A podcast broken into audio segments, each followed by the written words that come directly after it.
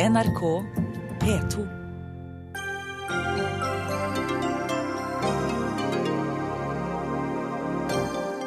Norwegian skaper bare støy med utspill om frivillig lønnsnemnd, sier de streikende pilotene. Vi behøver en tredjepart, sier Norwegian. Vi står overfor valget kutte lønninger og velferd eller omstille økonomien, hevder Erna Solberg. Nei, vi har flere valg enn som så, sier Rødt. Oslo universitetssykehus dømt for grov utnyttelse av filippinske sykepleiere. Flere kvinner enn menn tar doktorgrad i Norge nå, men hvor blir de kvinnelige professorene av? Og Bibelen vi, lese, vi leser er polert, sminket og feil, sier forfatter. En bibel må nå bredt, svarer Bibelselskapet.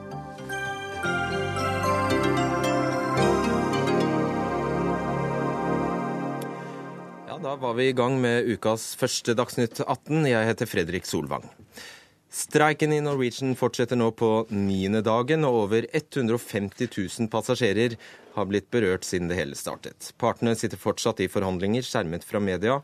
Men tidligere i dag gikk Norwegian ut og ba om frivillig lønnsnemnd, noe pilotene, representert ved Parat, stilte seg helt uforstående til. Og Sindre Heierdal, du er reporter her i NRK. Hva var det egentlig som skjedde her i formiddag? Det var det mange som spurte seg om. For vi hadde jo en hektisk og intens helg hvor partene tilsynelatende nærmet seg hverandre litt. Så tok de pause søndag kveld og sa at de var klare igjen eh, mandag morgen. Eh, men så kom dette utspillet, eh, og Norwegian begrunnet jo med at de trenger en tredjepart. De trenger en ekstern som nå kan ta saken videre og løfte den videre. Men det ble jo altså blankt avvist på flekken. Det gjorde det, men hva Innebærer det at Norwegian da ber om frivillig lønnsnemnd? Da, da legges alt i hendene på nemnda, og hele utfallet blir da utenfor partenes kontroll? Ja. Begge partene må være med på det, men utfallet er tvunget. Og dette ble jo da kontant avvist av Parat som sier at uh, dette er helt urimelig. Og litt bak dette ligger jo at uh, arbeidstakerne, pilotene, de har jo et ønske om å få gjennom noen ufravikelige prinsipper, slik de ser det. Det er ikke så vanlig at en såkalt frivillig mekling tar tak i slike begreper. Det pleier å være lønn. Lønnsnemnd. Ja. Og i lønn så kan du gjerne møtes på halvveien. En slik nevnd kan sette et beløp omtrent midt mellom partene. Det er verre når det handler om prinsipper. Kan vi spekulere i at Norwegian mener å ha jussen på sin side, f.eks.? Ja, og at Norwegian mener at nå har de gitt mer enn nok. Dette er nok et uttrykk også for at partene har beveget seg, men nå begynner det å skorte på viljen fra begge sider. Ja, hvor skadelig kan det være for forhandlingene at en part går ut i media på denne måten? Det er jo ikke bra, og vi så mange medieutspill forrige uke som bare hisset opp begge partene til nye høyder. Så har de roet seg ned i helgen, og så kommer det et nytt utspill i dag. Det, det borger ikke bra. Er det som foregår akkurat nå? Det er fortsatt forhandlinger, men de har ikke, som vi kjenner til, ennå møttes fysisk. Nå sitter de og bruker telefonen, de bruker e-post for å prøve å komme nærmere, men stemningen beskrives ikke som spesielt god fra noen av sidene. Når det nå en gang blir en enighet, hvor fort kan flyene da være i lufta? Det vil ventelig ta en god stund. Mange fly står i feil by og også i feil land, om du vil, i forhold til hvor rutene er. Så dette kan ta tid, antagelig godt over et døgn før all trafikk er i god gjenge igjen. Mm. Så er det altså slik at pilotene i Parat mener at frivillig lønnsnemnd er uaktuelt fordi konflikten, som du sier, Sindre, ikke handler om lønn. Og Frode Steen, du er professor ved Norges handelshøyskole og spesialist i luftfartsøkonomi. Hvordan tolker du det utsagnet? For det første betyr det at det som er sagt i sted, jeg tror det viser at vi nærmer oss hvor langt de vil gå, de forskjellige. Men det er jo litt interessant dette med lønnsnemnd. for det at mange bedrifter i Norge har regler om at når vi ikke klarer å bli enige, så går vi til såkalt voldgift. Dvs. Si at en tredjepart går inn og setter kriteriene. Og jeg tenker at Det virker jo som at de ikke klarer det alene, sånn som det har sett ut så langt. da. Hele Moen, du er professor ved Handelshøyskolen BI og forsker på luftfart. Er du enig i den tolkningen, at det vitner om at de har kommet så langt de kan? Ja, vel, det gjenstår å se. Men uh, det kan også være et utspill fra Norwegians side på å på en måte komme forbi det som er noe av hovedkravet, eller som er det viktigste for pilotene. Eh, og det går på tilknytningen til selskapet og hva slags form det skal ha. For det, det ville ikke være en del av denne For det kan ikke nemnda befatte seg med? Nei, nei. Og hadde det gått igjennom, så ville jo vært, ville vært For Norwegian ville det vært en eh, måte å unngå hele den problematikken på. Hva hadde skjedd da? Nei, da hadde jo det gått som det antageligvis hadde gått eh, ved streiken i fjor. Da det var eh, det samme, presis det samme. Det gjaldt eh, den gangen kabinpersonalets tilknytning til selskapet. Rett før forhandlingene, og som endte med brudd og streik, så ble kabinpersonalet i Danmark og i Norge de ble overført til respektive datterselskaper.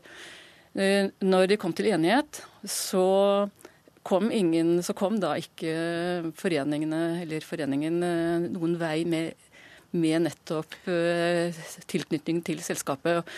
Det er mulig at Norwegian hadde håpet at det skulle gå på samme måte nå, men, eh, og kanskje at de er overrasket at de har fått eh, utrolig mye motstand denne gangen. Frode Steen, en finte fra Norwegian?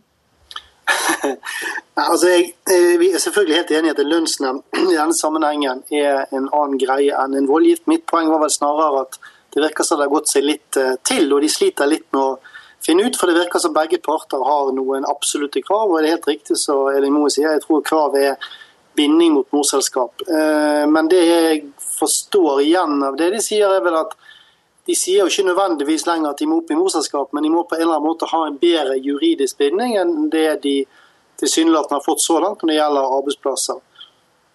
Og da, Elimoen, da har altså dette tilbudet eh, om, tilby, om eh, tre års jobbgaranti kommet på bordet til, for eh, pilotene. Vil det kunne være en midlertidig løsning? Jeg kjenner jo ikke til detaljene i det som har vært forhandlet. Høres ikke ut som det er en god løsning. Hvorfor ikke?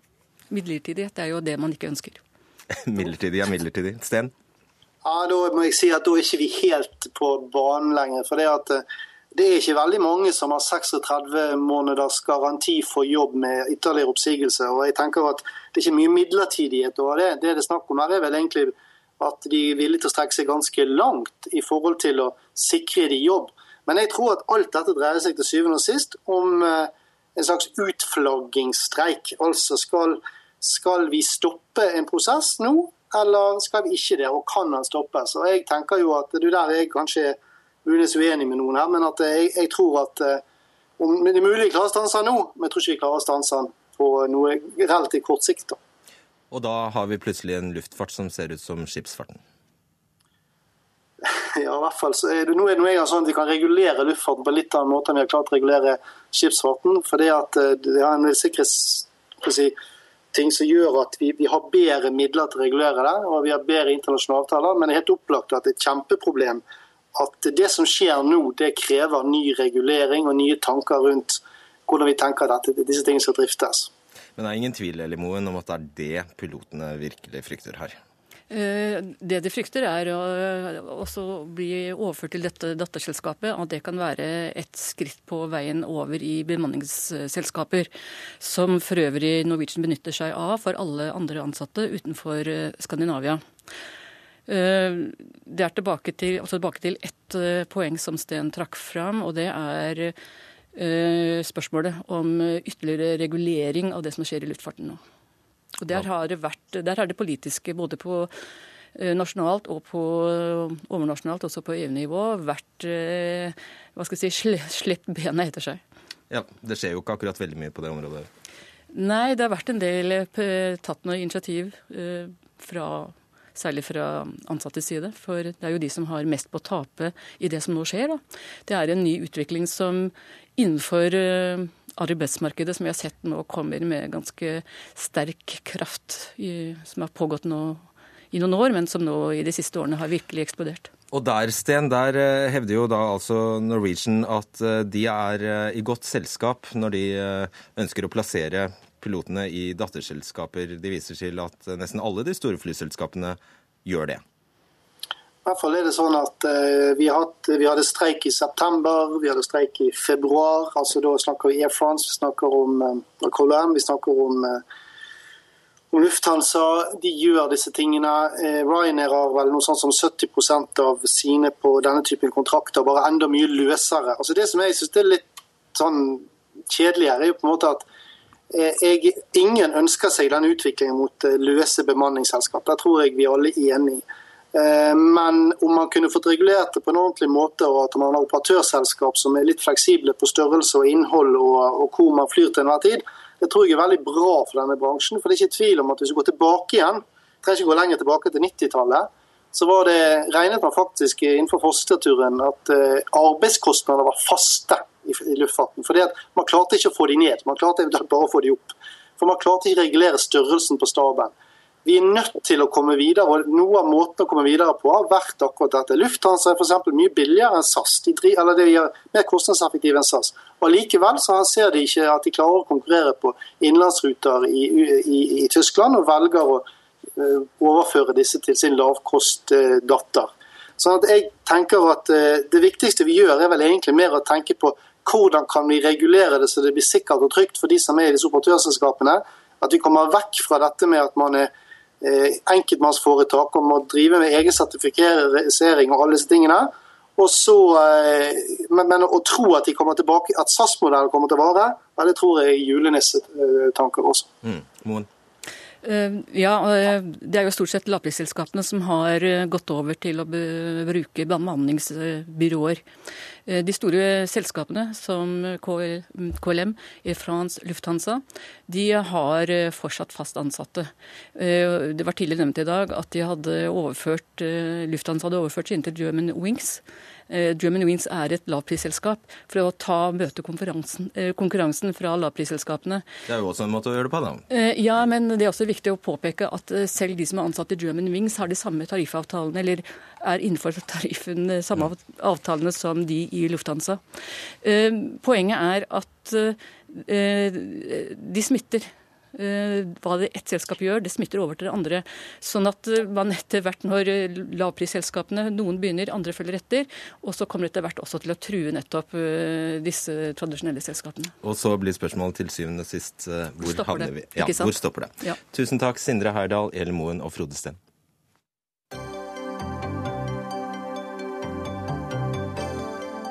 Hør Dagsnytt 18 når du vil. Radio NRK Radio.nrk.no. I dag samlet regjeringen seg til årets første budsjettkonferanse. Allerede før møtet gjorde statsminister og finansminister det klart at det nå begynner å haste med en omstilling av økonomien. Investeringene i oljebransjen er lavere enn regjeringen forutsatte i fjor, og Norge må nå få flere økonomiske ben å stå på. Statsminister Erna Solberg sa til Dagens Næringsliv i dag at valget står mellom å kutte lønninger og velferd eller omstille økonomien. Og Nikolai Astrup, parlamentarisk nestleder i Høyre, det var en ganske smal à la carte-meny, må jeg si. Nei, men Poenget er at vi må omstille økonomien kontinuerlig, eh, fordi verden rundt oss endrer seg. Eh, vi ser at vi er sårbare eh, når oljeprisen faller. Vi har en veldig stor andel av norsk økonomi er knyttet opp til petroleumssektoren. 250 000 arbeidsplasser direkte og indirekte. Og når oljeprisen da halverer seg, så får det store konsekvenser, ikke minst for leverandørindustrien langs norskekysten. Så det at vi trenger flere ben å stå på, det er synes jeg er ganske innlysende. Ikke fordi olje- og gassnæringen ikke fortsatt kommer til å være viktig i årene fremover. Det er viktig å understreke men eh, fordi vi skal redusere sårbarheten. Og vi skal også betale for de gode velferdsordningene vi alle er opptatt av å eh, bevare også i årene fremover. Og vi skal bevare de, eh, de ordningene vi har på andre områder. Blir du, ja, blir du, fornærmet hvis jeg spør deg hva du foretrekker av å kutte lønninger og velferd, eller omstille økonomien? Nei, Jeg mener jo at reelt sett er ikke dette et alternativ. Vi må lykkes med å omstille norsk økonomi. Vi må sørge for at alle har muligheter til å komme inn i arbeidsmarkedet, til å delta. I dag er det jo 650 000 mennesker som, eh, i yrkesaktiv alder som står utenfor eh, arbeidsmarkedet. Det å sørge for at flere får muligheten til å delta. Det å sørge for at færre faller fra i skolen. Eh, det at vi sørger for å prioritere bygging av samferdsel, kunnskap, forskning innovasjon. Det er viktig for å omstille Norge fremover. Bjørnar Maksnes, leder i Rødt. Jeg mistenker at du kanskje mener denne menyen kunne vært litt mer rikholdig? Altså, vi er også for omstilling. Det er nødvendig, men her går det i feil retning. Det ene poenget mitt det er at økende forskjeller det skader veksten i økonomien. Det viste OECD sin rapport som kom rett før nyttår, at vi kunne hatt 9% høyere vekst med mindre forskjell i Norge. De er det da du skal nevne skattekutt for de rikeste? Ja, de øker forskjellene. Setter jo det på steroider, så det er jo feil vei å gå. Men det andre poenget som er mer grunnleggende, som rammer både Høyre og også Arbeiderpartiet, det er det som skjer nå med arbeidslivet. Det kom et prosjekt før jul som het Normod 2030, som ser på Eh, norske modellen fram til 2030, og også for så vidt i hele Skandinavia. Og Den viser at hvis dagens trend fortsetter, med fallende fagorganisering, sosial dumping, eh, så vil eh, Norden i 2030 være på nivå med Italia når det kommer til klasseskiller, og også lav vekst i økonomien.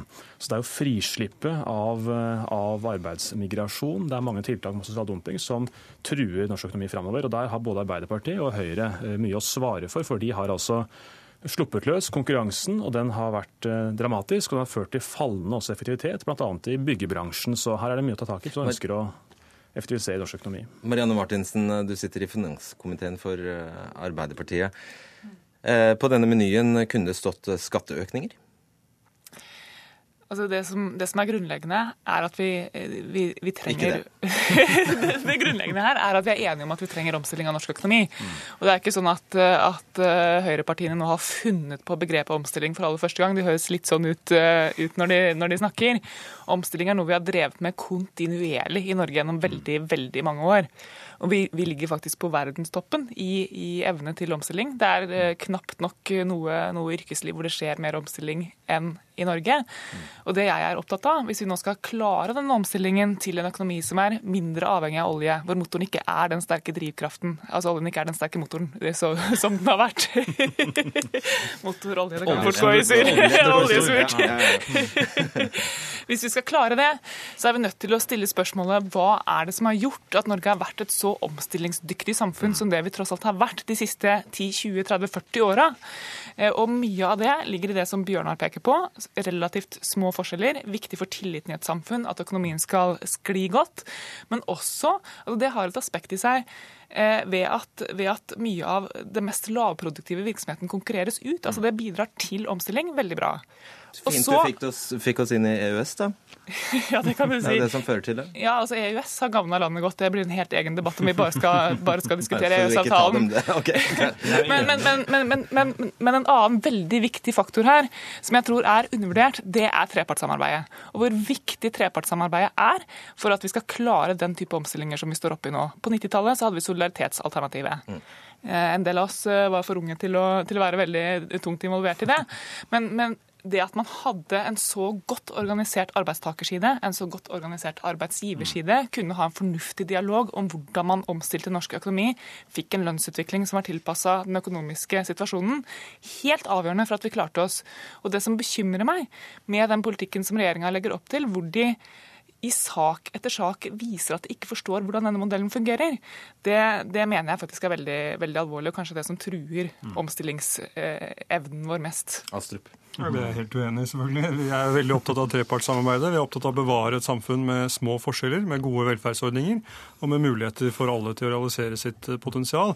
Men for å omstille Norge så må også politikerne være villige til å utfordre noen etablerte sannheter og tenke nytt.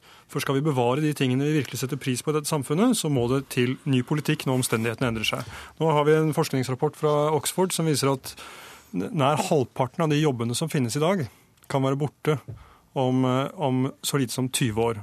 Kanskje sitter vi om 20 år og snakker til en robot istedenfor til Fredrik Solvang. Det ville jo vært veldig trist, selvfølgelig. Men da må man altså eh, være villig til å tenke litt nytt, og offentlig sektor må være villig til å omstille seg. Når vi nå går, til, når vi går i bresjen for en kommunereform, eh, for å nettopp tilpasse dagens eh, kommunestruktur til morgendagens utfordringer, så er det fordi det er på høy tid. Kommunestrukturen er 50 år gammel. Når vi foreslår små justeringer i arbeidsmiljøloven, Eh, så er det altså gullstandarden fra 1977 som gjelder for Arbeiderpartiet.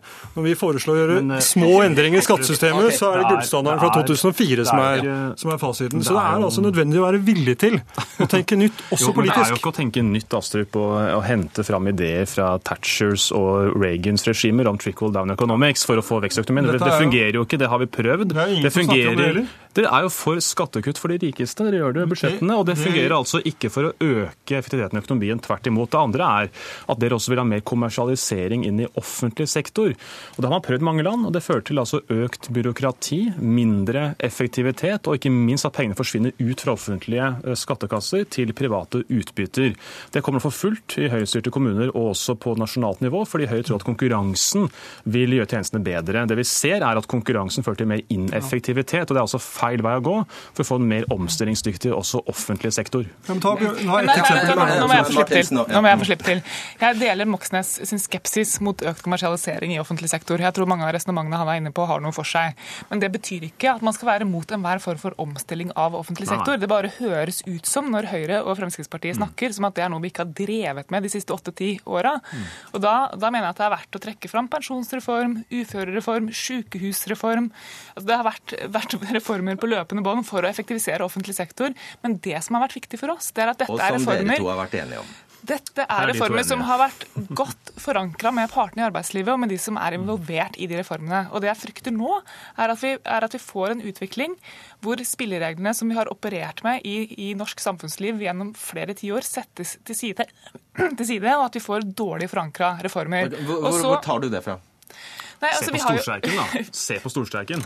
Dette er jo en regjering som har, har gjort mye for, mye, for, mye for folkehelsa ved å mobilisere folk ute i gatene eh, for, for å marsjere. Men, Men dette er altså eh, men Kalomones poeng. Han sier det helt rett ut at uh, hvis du har er sterk fagbevegelse, et øyeblikk bare, hvis du har sterk fagbevegelse for oss også mer produktive arbeidere, for at da får du mer omstilling, og man tør å si fra på jobben. Og hvis du har svekker fagbevegelsen, så svekker du også den muligheten for omstilling. Jeg skal bare, Det er to mot én her, så vi må la eh, Astrup få slippe til også. Altså, når statsministeren da snakker om omstillinger, så er det litt, eh, det er litt vanskelig å få grep om hva hun faktisk mm. mener. Når skal dette skje, og og hvor skal det skje?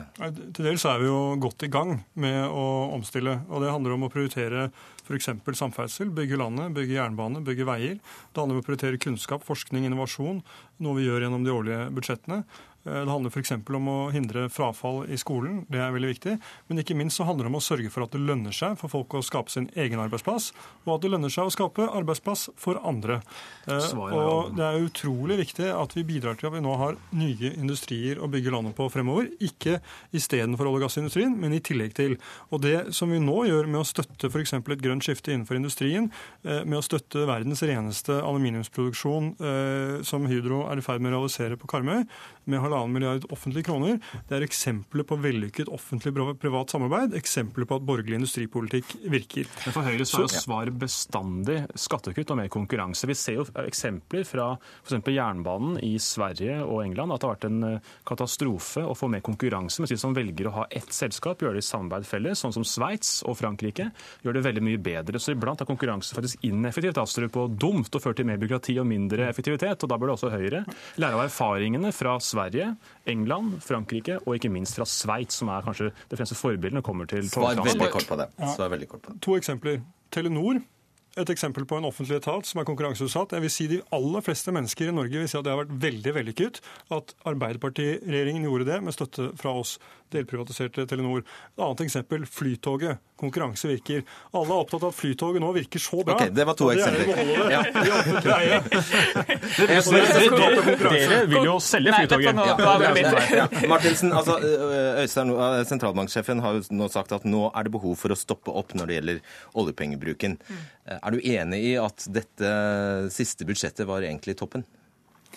Jeg er i hvert fall enig i at, eh, at den oljepengebruken som sittende regjering har lagt opp til, er for høy. Det har vi også demonstrert gjennom våre alternative budsjetter hvor vi har lagt oss lavere. Og jeg syns jo at det er litt pussig å høre på statsministeren som nå snakker eh, som om eh, altså, det, det er som å høre en litt dårlig fordekt trussel om at hvis man ikke omfavner den blå-blå reformpolitikken, så vil, så vil resultatet om, om noen år bli lavere lønninger for folk flest.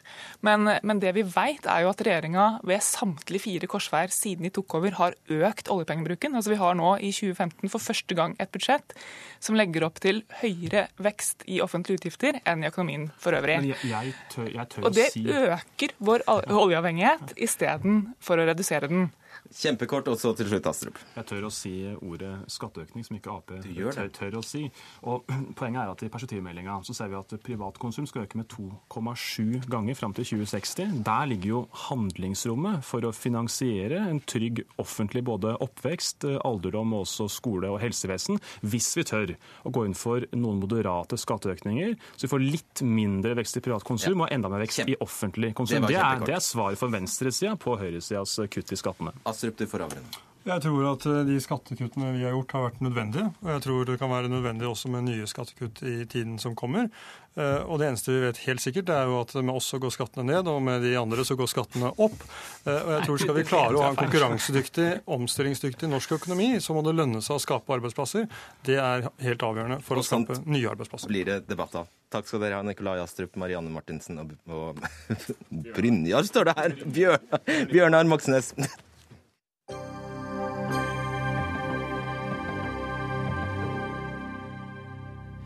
Oslo universitetssykehus er dømt for grovt brudd på utlendingsloven og må betale en bot på 1 million kroner. Borgarting lagmannsrett har kommet til at sykehuset opptrådte grovt uaktsomt da de lot en møbelrestauratør formidle filippinske sykepleiere. Sykehuset forsto og visste om den grove utnyttingen, men, gjorde, eh, men iverksatte ikke undersøkelser eller tiltak for å hindre det, slår retten fast. Møbelrestauratøren og kona hans er dømt til fengsel i ett år og tre måneder for å ha utnyttet sju filippinere grovt økonomisk. Og de ble også utnyttet gjennom vesentlige begrensninger i handlefriheten sin. Morten Reimet, du er viseadministrerende direktør ved Oslo universitetssykehus. Eh, Hvor pinlig er dette? Dette er ingen god sak for oss, det sier seg selv. Eh, Vi registrerer at i denne saken er det gjort betydelige feil i sykehuset hvordan dette ble håndtert. Og eh, når denne saken da ble kjent i sin fulle bredde, så satte vi i verk eh, grundige undersøkelser og har gjort store endringer i hvordan vi rekrutterer personell til sykehuset. Hva viste de undersøkelsene egentlig? Ja, De viste at her var det brudd på rutinene, og til dels eh, ikke gode nok rutiner heller. slik at det vi har gjort, er at vi har sentralisert behandlingen av ansettelse i sykehuset. Slik at alle nå går gjennom skal si, samme apparat og blir kontrollert før da de blir iverksatt. og Det håper vi kan eh, gardere oss mot eh, slike begivenheter senere. For dette var en nokså eiendommelig måte å rekruttere sykepleiere på. Hva skjedde? Ja, Det var jo en eiendommelig måte, en spesiell måte å gjøre det på. Eh, Det var en spesiell situasjon. Jeg tror jeg må legge til at det er ingen som det er jo ingen som har gjort dette i ond, som en ondsinnet handling fra sykehusets side, og heller ikke i egen vinningshensikt, men altså det kom galt ut allikevel. Man skulle løse et akutt problem med å rekruttere en type personell som vi hadde mangel på, og så gikk saken feil. Og så kommer denne møbelrestauratøren som da kjenner en lege og sier du, jeg har eh, en filippinsk kone, og hun kjenner eh, noen filippinske sykepleiere, og vips, så satt man der med noen sykepleiere fra Filippinene. Ja, du kan godt si det slik at eh, det skjedde via personlige kontakter. Og vi ønsker jo ikke å rekruttere ansatte på den måten. Det er en tydelig lærdom fra denne saken. Og det som kommer fram i dommen, er altså at eh, de filippinske sykepleierne tjente 1000 kroner i måneden i, på Filippinene. Så tvinges de da til å ta opp et digert lån på 100 000 kroner hver, eh, som skal dekke husleie og norskkurs og mat osv. Og, og alt dette visste sykehuset om. Ja, Nå er det vel eh, litt modifikasjoner i dette. altså Alle de detaljene som gjaldt de økonomiske forholdene, de var i hvert fall ikke kjent oppover i, sykehuset på det tidspunktet dette skjedde. Dette ble tydeligere da si, saken kom opp i sin fulle bredde et halvannet år senere. Eh, Da blir man kjent med de forholdene som du sier. Hvordan kunne det skje at landets største sykehus rekrutterte sykepleiere gjennom en møbelrestauratør? Nei, som jeg sa til deg, så var det altså en situasjon hvor man var eh, veldig presset. Man hadde mangel på type arbeidskraft, og man mente, eller de som var engasjert i dette, mente at de ved personlige kontakter kunne håndtere dette. Eh, Og eh, i ettertid så ser man at det skjedde ikke på noen riktig og noen elegant måte. Eh, Men eh, det var altså, som jeg sier, en eh, situasjon hvor noen mente at de hadde en løsning på et problem som var akutt og krevende for sykehuset. Skal dere vedta boten? Ja, Det har vi ikke tatt stilling til. Vi, ser, vi må utnytte den betenkningstiden her for å ta stilling til dommen. Bare til slutt, altså det, De ble utvilsomt satt i en tvangssituasjon, skriver lagmannsretten. Hvordan kan et sykehus som altså er satt til å drive etter et ideelt formål, som skal yte pasientbehandling uten økonomisk vinning, gjøre noe sånt? Ja, nå var det slik at Handlingene det dreier seg om, er jo utført av de private som ble engasjert. Så det er jo sykehusets medvirkning som er problemstillingen for oss. Eh, men dommen slår jo fast at, eh, eller mener jo da at vi har medvirket til dette, og det får vi ta til etterretning. Det er klart at som jeg sier, dette er ikke en slik sånn vi skal opptre. Eh, denne saken kom dårlig ut for oss, og slik ønsker vi ikke at vi skal opptre overfor våre ansatte. Vi får si takk til deg, Morten Reimert. Du ønsker ikke å debattere denne saken, og det respekterer vi. Da skal vi i stedet få inn noen flere i studio her. Eh, det er altså Kirsti Elisabeth Guttormsen, som er eh, statsadvokat og har ført saken for påtalemyndigheten. Vi har med oss Gro Villhagen, som er bistandsadvokat for eh, noen av de filippinske sykepleierne. Og vi har Eli Gunhild By, som er forbundsleder i Norsk Sykepleierforbund. Velkommen til dere. Begynner med Guttormsen. Du har altså ført saken for påtalemyndigheten. Hvor alvorlig er den? Det er en uh, alvorlig uh, sak, en overtredelse av utlendingsloven. Det gjelder utnytting av uh, utlendinger i forbindelse med arbeidsformidling, boligformidling og formidling av tillatelser. Og eh, det er jo her eh, syv fornærmede som hvor det også lagmannsretten er enig med oss da, i at dette er en grov utnytting av disse syv. Så det er en alvorlig sak. Fikk du fullt gjennomslag? Vi fikk gjennomslag på alle de vesentlige punktene, både når det gjaldt jussen og, og bevisvurderingene. Ikke fullt ut på straffeutmåling, men i det alt, i det alt vesentlige. ja. Eh, er dette første gangen denne utlendingslovens paragraf 108 blir brukt eh, på en slik måte? Det er første gang eh, den blir prøvd i norsk rettspraksis, ja. Og Hva innebærer det for hva, hva, hva er overskriften da? Er det, har, er, det, er, det, snakk om menneskehandel, er det grov utnyttelse? Hva er det snakk om? Den bestemmelsen gjelder eh, at gjør, gjør det straffbart eh, i forbindelse med arbeidsformidling, boligformidling eller det å formidle tillatelse til utlendingsloven. Hvis man da utnytter utlendingens situasjon, så er det eh, straffbart. Og Utnyttelsen kan skje både ved at man tar eh, urimelig mye penger, eh, sånn som vi har gjort i dette tilfellet, og eller at man utnytter vedkommende på en annen måte. Sånn som lagmannsretten har vært enig med oss her, at det er en sterk begrensning i, eller vesentlige begrensninger i, handlefriheten på, på, flere måter. Mm. Eli Gunhild By, leder i Sykepleierforbundet. Det var altså en av deres tillitsvalgte som først varslet om dette arbeidsforholdet, og vi, vi andre fikk høre om det i mars 2012. Hva var bakgrunnen? Bakgrunnen var at eh, for, eller, ja, eh, disse ble ansatt på Oslo universitetssykehus, eh, og arbeidskollega reagerte, som da kontakta tillitsvalgte. Og tillitsvalgte gjorde en jobb nettopp med å se på hva det dette her var for noe. Og så eh, ble det samla inn dokumentasjon fra denne tillitsvalgte eh, over lang tid, eh, der også det ble varsla opp til ledelsen i ulike anledninger. Og det kan man jo lese av i dommen også, at her er det faktisk varsla på ulike nivå. Og det er det jeg syns er veldig alvorlig i dette. Disse sykepleierne ja, det Og det betyr ja. altså at ledelsen visste? Ledelsen visste, og det står det vel også både skriftlig gjennom mailer som er sendt eh, mellom, mellom, ledelse på ulike nivå, eh, men det står også sågar at toppledelsen er varsla på et tidspunkt.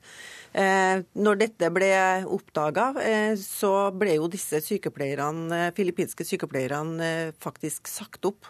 Da var det vår tillitsvalgte tok med seg disse sykepleierne eh, til politiet og anmeldte saken.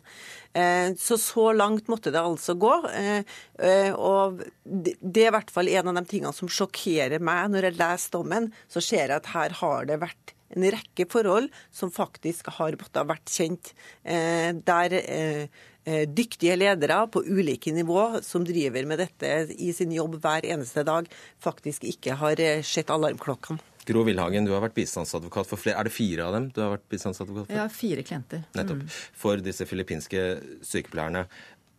Hvorfor, kom de, hvorfor ville de til Norge? Um, de jobbet uh, på Filippinene enten som frivillige sykepleiere uten lønn, eller hadde en lønn på 1000 kroner per måned. Uh, arbeidsforholdene på Filippinene og muligheten for å få arbeid som sykepleier er svært begrenset. Eh, og de eh, fikk eh, et tilbud som de oppfattet var et godt tilbud, med det som ble fortalt dem på Filippinene. Og hadde et sterkt incitament til å reise ut, og det gjør veldig mange sykepleiere som jobber på Filippinene. Den utdannelsen er en stor eksportvare, for å si det sånn.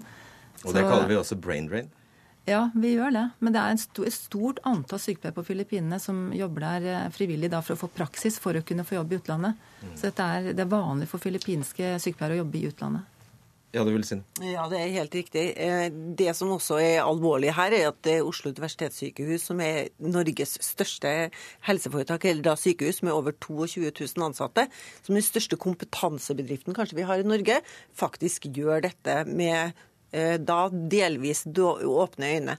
Eh, Og det er jo veldig alvorlig. Snakker du nå om det å støvsuge Filippinene for kompetanse, eller snakker du Det, jeg, mener også at ledere eller fagpersoner som jobber ved Oslo universitetssykehus, faktisk kontakter naboen sin, som er med en eh, møbeltapetserer, for for å innhente filippinske sykepleiere. Det er jo svært, svært alvorlig. Og eh, Wilhagen, da var det åpenbart et sterkt, stort stort behov på eh, Oslo universitetssykehus for, for sykepleiere og operasjonssykepleiere. Ja, og det er også er verdt å merke seg. Fordi disse sykepleierne som ble rekruttert på Filippinene, de fire på Ullevål sykehus, unnskyld, tre på Ullevål sykehus, de ble forespeilet jobb som operasjonssykepleiere. Det var den kompetansen de hadde på Filippinene. De har aldri noen gang, og heller ikke i dag, jobbet som operasjonssykepleiere. Fordi kravene til en sånn type arbeid er eh, strenge, og det blir de aldri informert om. Og jeg har også lyst til å legge til, hvis jeg får lov, eh, eh, du nevnte innledningsvis lån.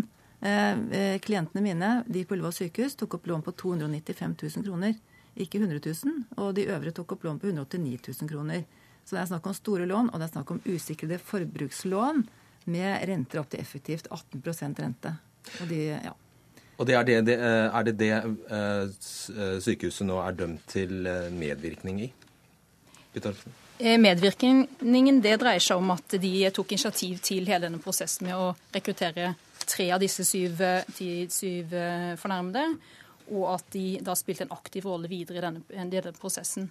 Um, og um, det er jo den, det de da, uh, som spesielt lagmannsretten legger vekt på, er jo at det på flere hold høyt oppe i organisasjonen så tok man ikke grep for å stoppe, for å stoppe dette. Så eh, deres initiativ gjorde at denne grove utnyttingen altså ledet fram til, til denne. Og som lagmannsretten også er inne på i forhold til dette med å løse en bemanningssituasjon, så er lagmannsretten helt klar på at det kan man ikke høres med. Og også et vesentlig poeng fra vår side var at eh, dette med eh, at de seinere får en jobb på ordinær måte i Norge, det får ikke noen betydning for denne saken. Det er formidlingsprosessen som man angriper, som er tema for denne saken. Hva har slått deg i denne saken? Eh, jeg tenker det er viktig å bare påpeke at dette er en viktig dom. Og jeg tenker det er en viktig dom for, for utlendingers rettssikkerhet i Norge. Så det, det er vel det jeg vil ønske å si om det. Hvor viktig viktig er den for akkurat disse sykepleierne? Det er vel kanskje bistandsadvokaten nærmest til å, til å, til å, å svare på. Eh, fra påtalemyndighetens side så er jo det, den, eh, altså, det, det å få håndhevet denne bestemmelsen som, som er, er det primære. Vilhagen, hvordan har de det nå? Eh, nå er de eh, kjempelettet, opplever å ha blitt trodd. Men jeg tror det viktigste for dem har vært at de, de kom fra et land veldig langt, veldig langt unna. De kjente ikke til norske lover og regler. De hadde stor tillit, de som rekrutterte dem. Og, og lurte på etter hvert er det riktig dette her. Jeg Stilte spørsmål ved hvordan ting foregikk. Og det tok eh, 18 måneder før de sa fra. Når de da endelig sa fra, så eh, ble de de ble trodd av Sykepleierforbundet, som sto ved deres side og støttet dem. Og det syns jeg er eh, flott at de gjorde det, og at de da også bidro til at saken ble anmeldt. Og så har det vært opp til retten å vurdere bevisene, vurdere det rettslige, og det er nå gjort. Og nå er de veldig glad for at de opplever det sånn at de har blitt trodd, og at det var verdt å stå i prosessen, for det har vært belastende for dem. By, hva avdekker denne saken om eh, behovet for eh, helsearbeidere i Norge? Den avdekker, avdekker et stort behov for helsearbeidere, eh, men det avdekker også et behov for eh, fagorganisering, og at tillitsvalgte faktisk gjør en viktig jobb hver eneste dag. Og at vi har fortsatt en jobb å gjøre fremover, for det er viktig at vi passer på. Og da fikk du sagt det. Advokat eh, Tor Kjærvik, som har forsvart møbelrestauratøren, har ikke besvart henvendelsene våre i dag. Men vi sier tusen takk til dere, Kirsti Elisabeth Guttormsen, Gro Wilhagen og Elle Gunnelby. Dagsnytt 18 alle hverdager kl 18.00 på NRK P2 og NRK2.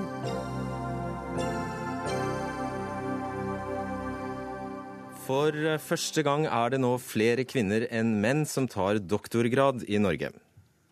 Men samtidig er det langt igjen til akademisk likestilling. For eh, ferske tall viser at bare 26,1% av alle landets professorer er kvinner. Det skriver Forskerforum. Blant de beste i klassen er Universitetet i Oslo, og rektor Anne Husebekk hos dere er 31% av professorene kvinner. Hvordan har dere greid det? Det er Universitetet i Tromsø, Norges arktiske universitet, og vi har en eh, rekord i Norge nå. Eh, hvis vi medregner eh, kvinneandelen både på dosent- og professornivå, så er vi på 33,5% Beklager, 33. Ja. Ja, så, så det ser vi på som et eh, godt tall nå, men det er jo selvfølgelig ikke godt nok. Nei, men hva har du gjort for å få det, faktisk få det? For det, dere var blant de eh, verste, faktisk, eh, for ikke så veldig lenge siden. Hva har skjedd? Ja, på 2000-tallet var vi blant de verste. Og så ble det i 2010 laget et eh, opprykksprosjekt hvor eh, kvinner på førsteamanuensis og førstelektornivå fikk spesiell oppfølging med tanke på opprykk. Eh, Det var eh, 48 kvinner som deltok i det programmet, og det er 31 av de som til nå har nådd førstestillingskompetanse, eller professor- og dosentnivå.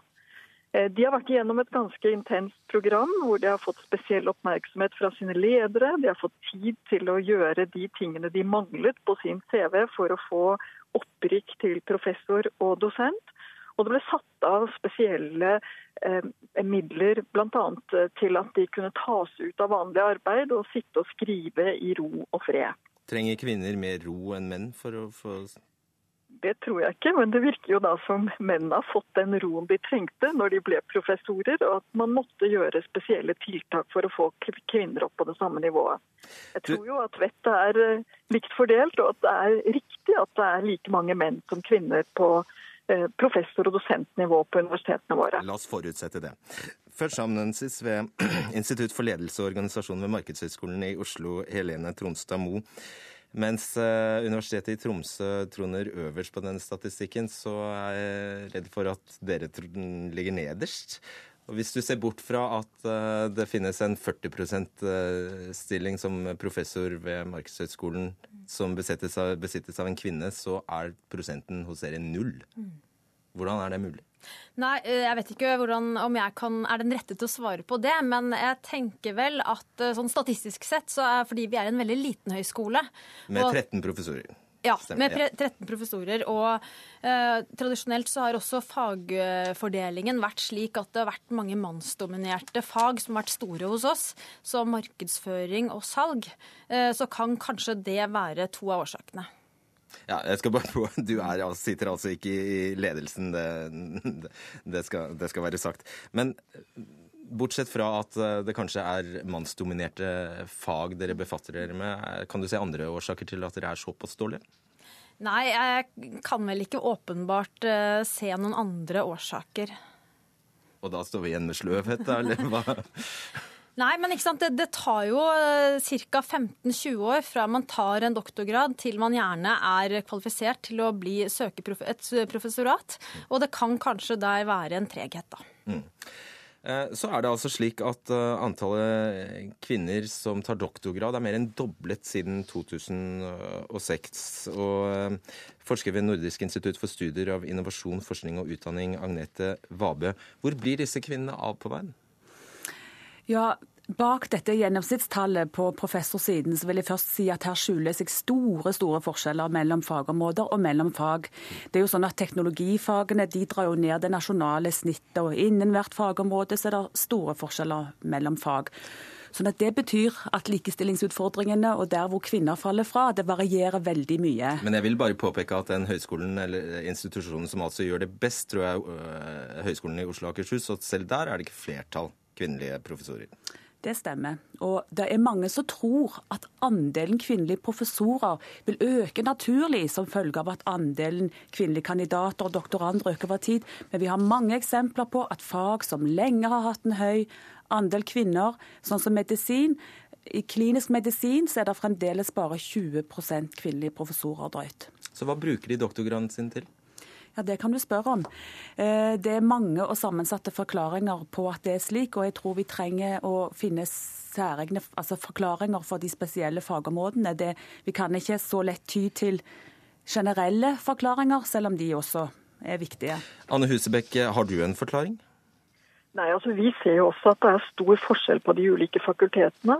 Eh, og at det er de fakultetene som har flest mannlige studenter, flest mannlige stipendiater, som også har færrest mannlige, eh, kvinnelige professorer.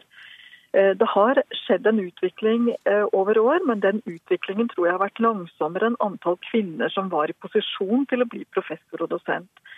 Jeg tror at det er nødvendig med spesielle tiltak. Jeg tror eh, kanskje kvinner har mindre klare karrieremål i retning av å bli professor og dosent, og at eh, det at de får hjelp fra sin ledelse er en god start på et mye tydeligere karriereløp for kvinner. Da har jeg bare så lyst til å spørre deg, Trondstadmo. Eh, du er selv førsteamanuensis. Har du et mål om å bli professor? Ja, hvis jeg da velger å bli i akademia, så er jo det et naturlig mål. Det må jo være det. Hva skulle eventuelt hindre deg? Nei, eh, det er jo slik at Jeg selv tok doktorgrad i 2006, eh, hvor kvinner var i et stort mindretall blant de som faktisk tok doktorgrad. Jeg har nå vært åtte år i næringslivet og har nå kommet tilbake i akademia. Og Vi kan jo kanskje da tenke oss at i den fasen hvor man skal tape et stort eh, banklån, få barn, så er det å gå inn i midlertidige stillinger i akademia lite attraktivt. Verst ut så takke ja til en fast jobb. Mm. Vabø, er fortsatt eh, barn et stikkord? Ja, vi må ta et skritt tilbake og se at det, i Norge til forskjell, og i Norden til forskjell fra f.eks. For Tyskland og Nederland, så er det legitimt, det er liksom tillatt å kombinere akademisk karriere med det å få barn. Og vi får ganske mange barn, og det er ganske vanlig å ha en partner som òg gjør en akademisk karriere. Og i det forholdet der så finner vi at kvinner har en eh, mindre sjanse til å skaffe seg sammenhengende tid til forskning, som også rektor i Tromsø påpeker. Denne tiden mellom klokken fire og åtte på ettermiddagen, den er det i større grad mennene som får tilgang til. Men det er òg mange andre forklaringer og store forskjeller. For eksempel, Menn får bedre tilgang til forskningsfinansiering. De deltar i større grad i de internasjonale prosjektene og nettverkene, som er viktig for å være inne i en god spiral av publisering, som jo da fremme karrieren. Husebekk, er det din erfaring at uh, bare du legger praktisk nok til rette, så er, finnes motivasjonen der? Den indre motivasjonen? Ja, jeg holdt på å si eh, man må ville. Eh, og man må kanskje av og til minnes på at det å være førsteamanuensis, det er en stilling som innebærer forskning og undervisning og administrasjon. Og det er akkurat de tre momentene som også er av betydning for å få opprykk til professorat eller dosentur. Derfor er det viktig å tenke at en del av jobben til en som er førsteamanuensis, er jo nettopp alle de elementene som er med på å kvalifisere til eh, professorkompetanse. Så jeg tenker En naturlig utvikling i en førsteamanuensis karriere er å bli professor. Og Det tror jeg at eh, mange flere skal motiveres til, kvinner og menn, og kanskje spesielt kvinner som ikke ser det som så naturlig som menn. Er det så viktig, ja? Ja, jeg mener det er viktig. Det er eh, stor forskjell på å være førsteamanuensis og professor, både nasjonalt og internasjonalt. Det er mange flere dører som åpnes, det er mange flere muligheter til å være med og påvirke både akademia og eh, forskningspolitikk. Så jeg mener at det er viktig at kvinner blir professorer. Det er viktig, det er en del av det eh, livet man skal ha på universitetene. Trond Samo, vil du ta noe eh, ansvar på vegne av standen? Eh, da, hvilken stand er det du nå? Kvinnestanden. Kvinnestanden. Eh, ja, jeg vil jo bare oppfordre andre kvinner også til å tørre å uttale at de ønsker å bli professorer. Påta seg å være forskningsledere, søke forskningsmidler, eh, ta seg tid til å skrive osv. Men er det, hvor viktig er kjønnsbalansen i Hvor viktig er det at det finnes en balanse blant kjønnene i akademia? Nei, Det tenker jeg er en demokratisk utfordring, dersom det ikke er det. Hva sier forskningen om dette? Ja, Forskningen er jo opptatt av at eh, her er det mange ulike begrunnelser for betydningen av å ha kjønnsbalanse. Det er demokratiske hensyn, det er av hensyn til kunnskapsproduksjonen. I senere tid så ser vi òg at eh, hensynet til økonomisk utvikling er et argument. Det å å utnytte og få rekruttere de, de, beste kvinnelige talentene til forskning. Tenk på et land som Tyskland. De taper veldig mange dyktige doktorander fordi de har så stor kvinneandel som, som eh, slutter å forske når de tar doktorgrad og får barn. Eh, så vil jeg òg si at det, det er ikke bare i blant kvinner. Det er ikke bare kvinnene som lekker ut av forskningen, det er òg menn som lekker ut av forskningen. I teknologifagene og, og til dels sliter med at det ikke er attraktivt nok for norske dyktige menn å jobbe som forskere. Så dette er òg en allmenn personalpolitisk og politisk, forskningspolitisk problemstilling som bør tas på alvor. Men det er i det hele tatt kun gode argumenter for at kvinnene skal bli? Og at de skal, bli, eh, at de skal klatre? Ja, men mm. Eh, hvor, eh, altså, hvor, hvor, eh, særskilt er dette eksempelet fra Tromsø driver andre høyskoler og universiteter med samme type eh, bevisst, tenke, bevisst, tankegang rundt dette? Det er faktisk sånn i Norge at per lov så er alle institusjoner pålagt å ha et likestillingsfokus i, sitt, i sin styring og ledelse. De har egne likestillingsarbeidere og egne komiteer og eget regelverk for kjønnsrepresentasjon i, i fagkomiteer osv. Sånn at det er noe som... Og sånn har det vært lenge, eller? Ja, det har vært det ganske lenge. Mm, men det er klart, no, Tromsø utmerker seg jo når det gjelder dette. De gjør jo det. La oss håpe at neste gang vi møtes her er prosenten litt høyere enn 26,1. Tusen takk skal dere ha, Agnete Vabø, Helene, Helene Tronstad Moe, og i studio i Tromsø, Anne, nei, på telefon fra Tromsø, Anne Husebekk.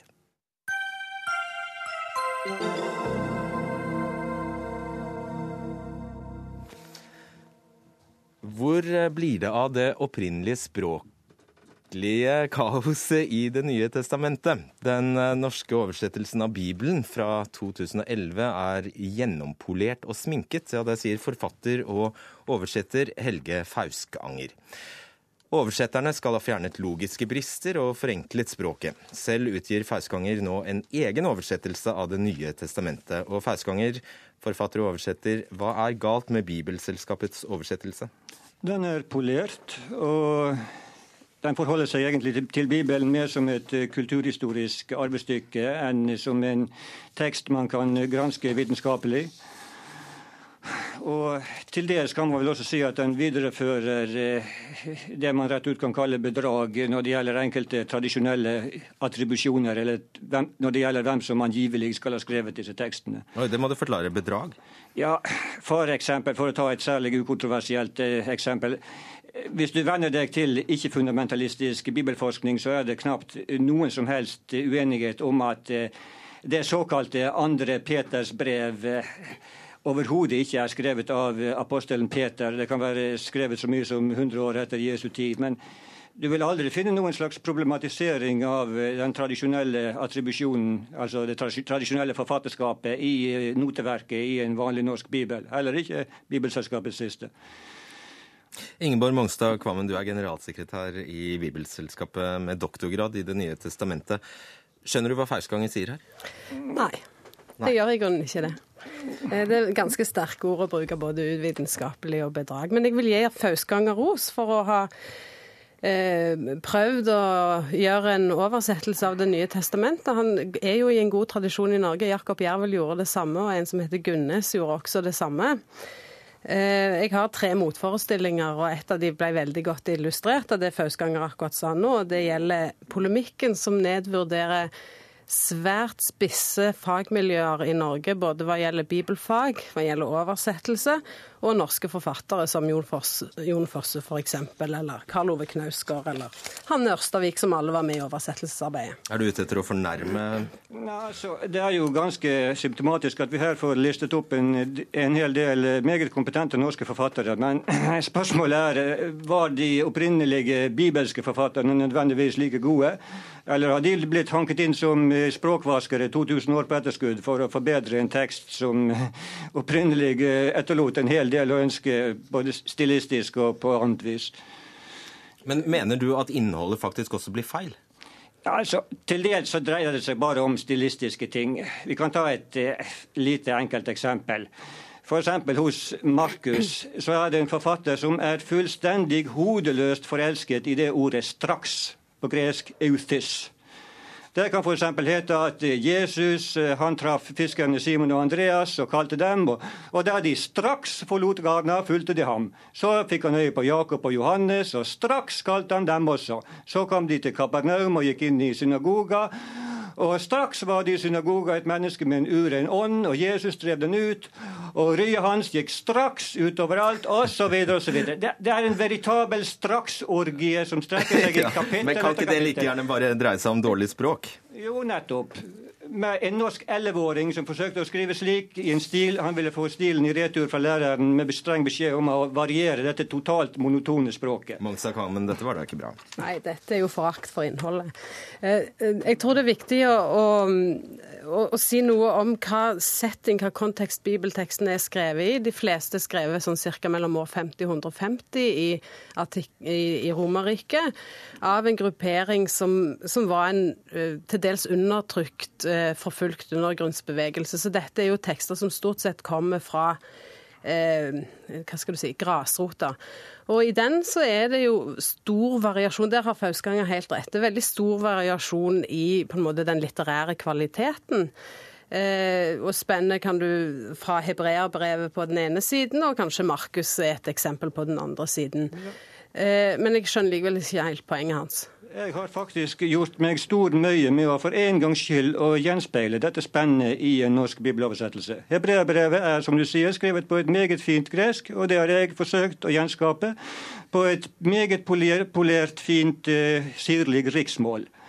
Markusevangeliet på den andre side sett, det er nærmest eh, platt gatespråk, som jeg da tilsvarende har oversatt med masse a-endelser og den slags som aldri har vært brukt i bibel, norsk bibel før. Men feilskanger. Altså, jeg skal gi et eksempel, sånn at vi kanskje forstår eh, hvor du vil hen. Et utdrag fra romerbrevet, slik det egentlig skal være, ifølge deg. Av denne grunn, liksom det var eh, gjennom ett menneske synden kom inn i verden, og gjennom synden døden, og det slik var til alle mennesker døden spredte seg, i og med at alle syndet før en lov, var det nemlig synd i verden, men det holdes ikke regning med synd når det ikke er noen lov, ikke desto mindre hersket døden fra Adam til Moses, også over dem som ikke hadde begått samme slags synd som Adams overtredelse, han som utgjør et forbilde på den som skulle komme. Ganske riktig. Sånn står det på gresk. Men Men, sånn helt... står det ikke i den norske bibeloversettelsen av 2011, som er nydelig polert og delt opp og hakket inn i en masse fine setninger som er blitt pene og oversiktlige. Men sånn var det ikke Men på hvor mange tror du fikk med seg s- leste der?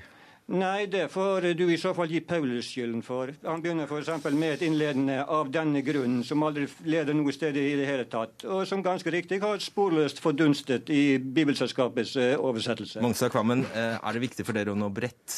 Er det derfor eh, dere Ja, altså Det er jo viktig for oss å være seriøse og oversetter faglig. Det er vel det første punktet. Og, og det er selvfølgelig viktig å nå bredt. Og så er det jo sånn at bibelteksten i norsk teksthistorie er veldig viktig for utviklingen av det norske språket. Så vi har fulgt en moderat bokmålsnorm på bokmål og en moderat nynorsknorm på nynorsk, og er konsekvente og konsistente så godt det er mulig i forhold til det. Men jeg, jeg tenker at det er det er òg Eh, eh, altså Polemikken er det ene. Her har, nå hadde vi akkurat en debatt om, om, eh, om eh, forskning og kvinner og forskning i Norge. Eh, de som har vært med, eh, teologer og lingvister som har vært med i den bibeloversettelsen som Bibelselskapet ga ut i 2011, til sammen 48 personer, er folk som publiserer på vitenskapelig høyeste nivå internasjonalt. I, i, innenfor bibelforskningen i Norge så er det helt vanlig å publisere på så, såkalt nivå to, altså høyeste nivå. Så det er jo meget spisse fagpersoner. Det er det ene. Det andre er at en tek, altså Fauskanger snakker om eh, originaltekst eller grunntekst, og det er jo et eh, Altså, de har mildt sagt på et papyrus og skinn, så Ja, de har skrevet på papyrus og- skinn, og det er et kjempestort puslespill. Vi har jo ingen original, og Fausganger sjøl bruker jo eh, en vitenskapelig utgave fra 1983, eh, og den er jo rett og slett for gammel. Feilskanger, eh, til slutt Han forholder eh, seg jo ikke til nyeste forskning. Nei, til slutt, Fausganger og, og kjapt, er eh, alle bibler i Norge en feil, da? Feil er ikke riktig ord å bruke her, men for en stor del så er de polert og forsøkt å tilrettelagt for et moderne publikum. Men på den måten så blir det en viss mytebygging omkring bøkenes bok som det perfekte stykket litteratur, som grunnteksten ikke alltid gir rom for overhodet. En kan jo for så vidt sammenligne det med oversettelse fra tysk. Da. De bruker jo òg veldig lange setninger, som en gjør i gresk. Og da må jeg si tusen takk til dere Ingeborg Mongstad Kvammen og Helge Fauskanger. Ansvarlig for sendingen var Alf Hartgen, teknisk ansvarlig Lisbeth Selreite og i studio Fredrik Solvang.